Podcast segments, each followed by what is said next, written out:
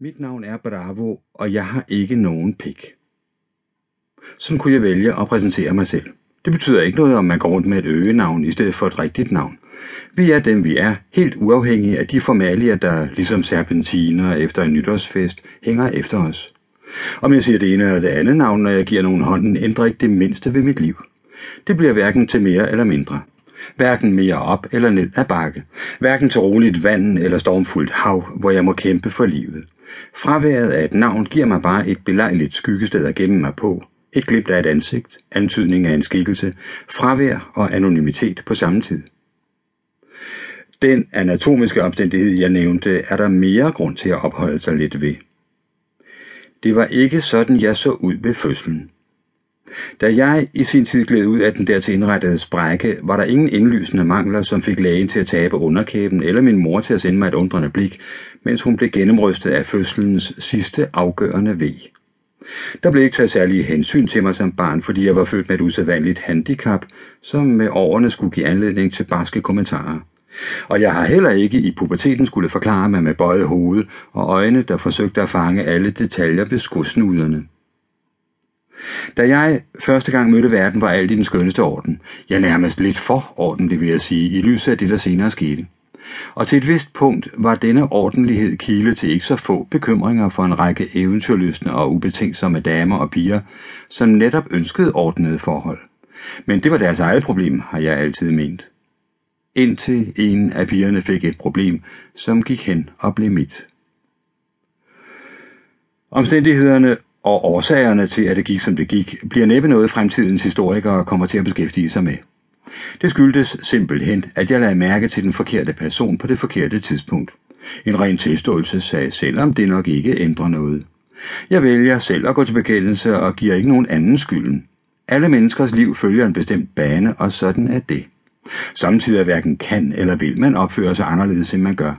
I mit tilfælde har det i hvert fald været svært at sige, og nu ville et hvert forsøg på at bortforklare tingene bare være endnu en nål, der stikkes ind i en voodoo-dukke med mine ansigtstræk.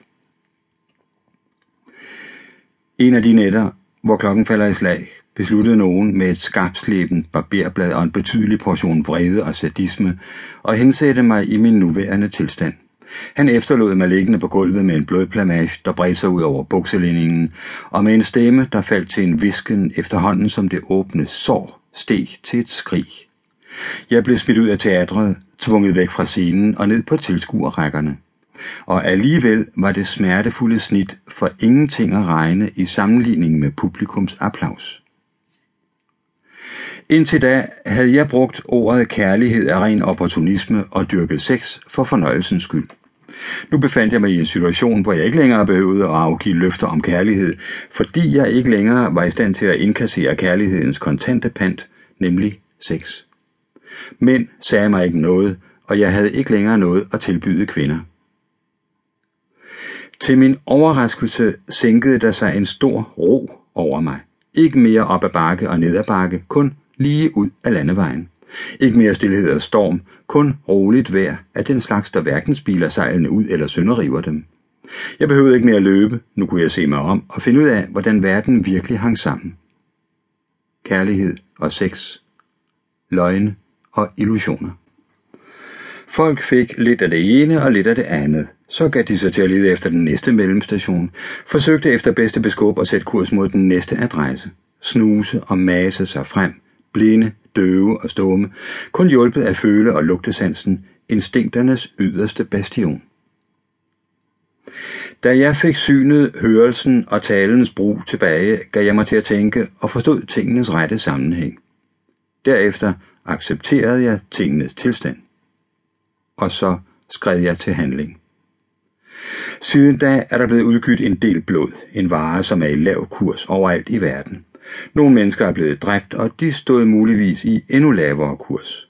Nogle af de ansvarlige er blevet draget til ansvar, mens andre er gået fri.